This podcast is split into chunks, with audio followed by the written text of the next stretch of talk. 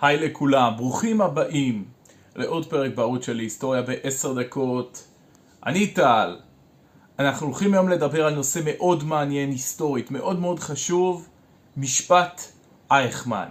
מי היה אייכמן? מה קרה במשפט שלו? קצת תקציר על האירוע הגדול הזה, ותחזרו אחריי, אליי, לסרטון, אחרי הפתיח נתראה.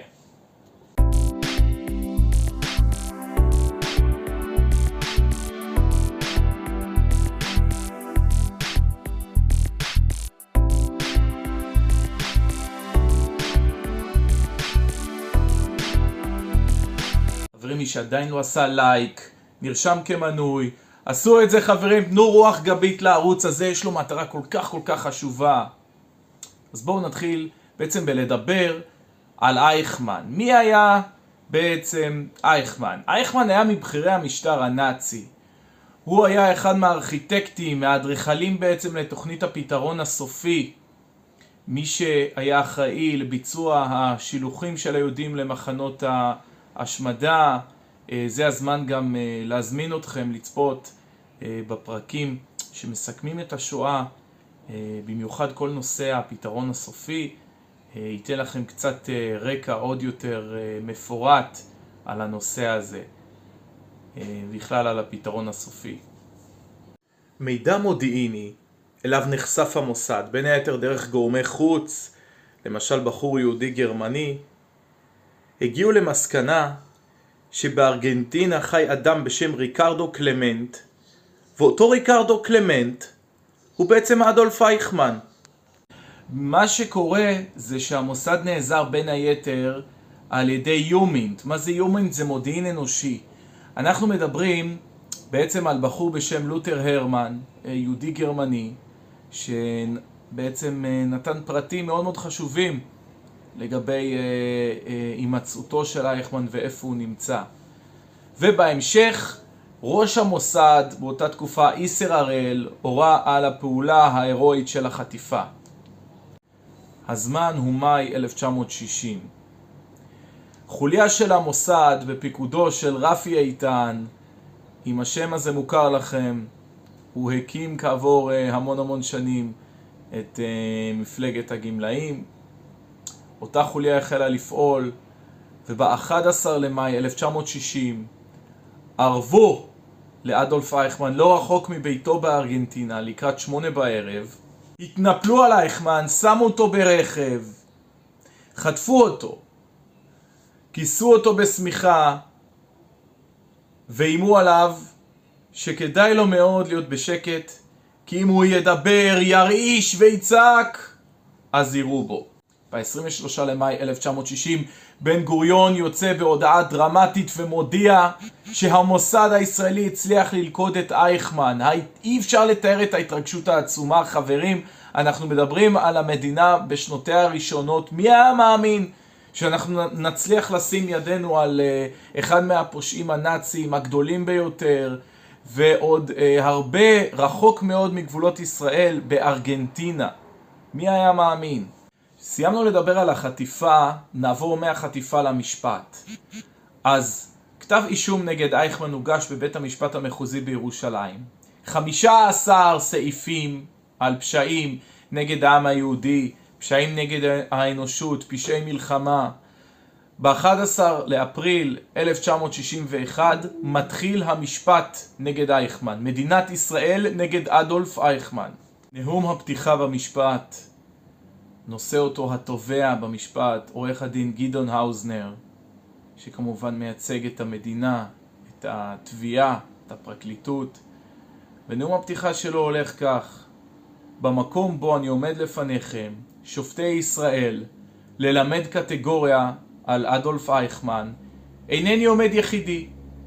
עמדי ניצבים כאן, בשעה זו, שישה מיליון קטגורים, אך אין הם יכולים לקום על רגליהם, לשלוח אצבע מרשיעה כלפי תא הזכוכית ולזעוק כלפי היושב שם, אני מאשים. לאייכמן היו טענות הגנה במשפט, סנגורו רוברט סורבוציוס אה, בעצם הביא כמה טענות. בואו ניגע בטענות העיקריות של אייכמן. יש טענות פרוצדורליות, שזה טענות בעיקר טכניות, על האם בכלל בית משפט ישראלי יכול לשפוט את אייכמן, וישנה אחת טענה, ישנה טענה אחת מהותית של אייכמן, שחוזרת על עצמה שוב ושוב, טענה מבחינתו כבדת משקל, ומה שבעצם הטענות הטכניות, זה מה שנקרא טענות מקדמיות, טענות שמעלים אותן בהתחלה, זה הסנגור של אייכמן אומר דבר כזה, יש עניין של תחולה רטרואקטיבית.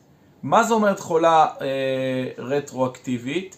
במשפט פלילי יש עקרון ברזל שאומר שאם אתה קובע שמשהו אסור, אז אתה לא יכול להכיל אותו אחורה.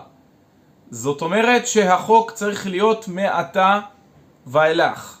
זה בעצם עיקרון מאוד חשוב במשפט הפלילי. זאת אומרת שבדוגמה שלפנינו, מדינת ישראל מחוקקת בשנת 1950 את החוק לעשיית הדין בנאצים ועוזריהם. אז מה אייכמן אומר באמצעות עורך הדין שלו? אתם חוקקתם את החוק בשנת 1950, המעשים שלי, מעשים שלי היו לפני שחוקקתם את החוק, אז זה לא הוגן לכאורה. יש גם עניין עוד טענה טכנית, שהחקיקה נעשתה בתוך מדינת ישראל.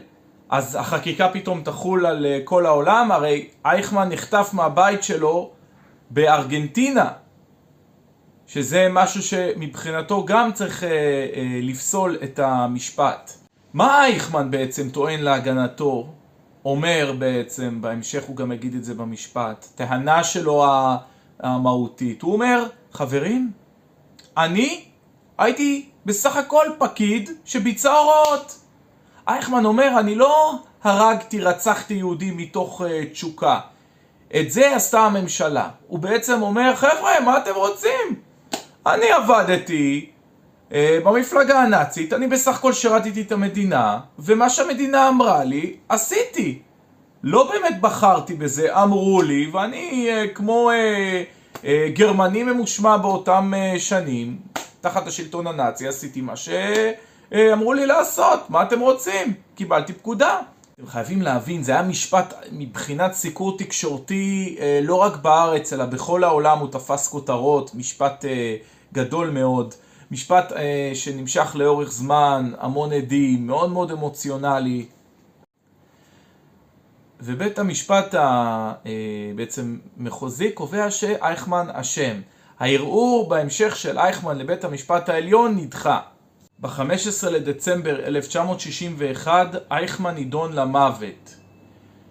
הוא מערער לבית המשפט העליון על עצם אה, העונש ובית המשפט העליון אה, דוחה את הערעור שלו בין ה-31 למאי אה, לראשון ליוני, בלילה ביניהם, 1962, אייכמן הוצא להורג בתלייה. לפני שאייכמן הוצא להורג בתלייה, הדבר האחרון שהוא ביקש מבחינת אה, אוכל, מזון וכולי, אה, זה בקבוק יין.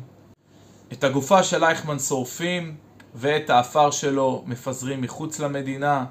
החשש ברור, כדי שלא יהיה, כדי שהקבר שלו, אם יהיה לו קבר, לא יהווה בעצם מוקד לעלייה לרגל של אה, ניאו-נאצים, אנטישמים וכל מיני אנשים לא נעימים אחרים.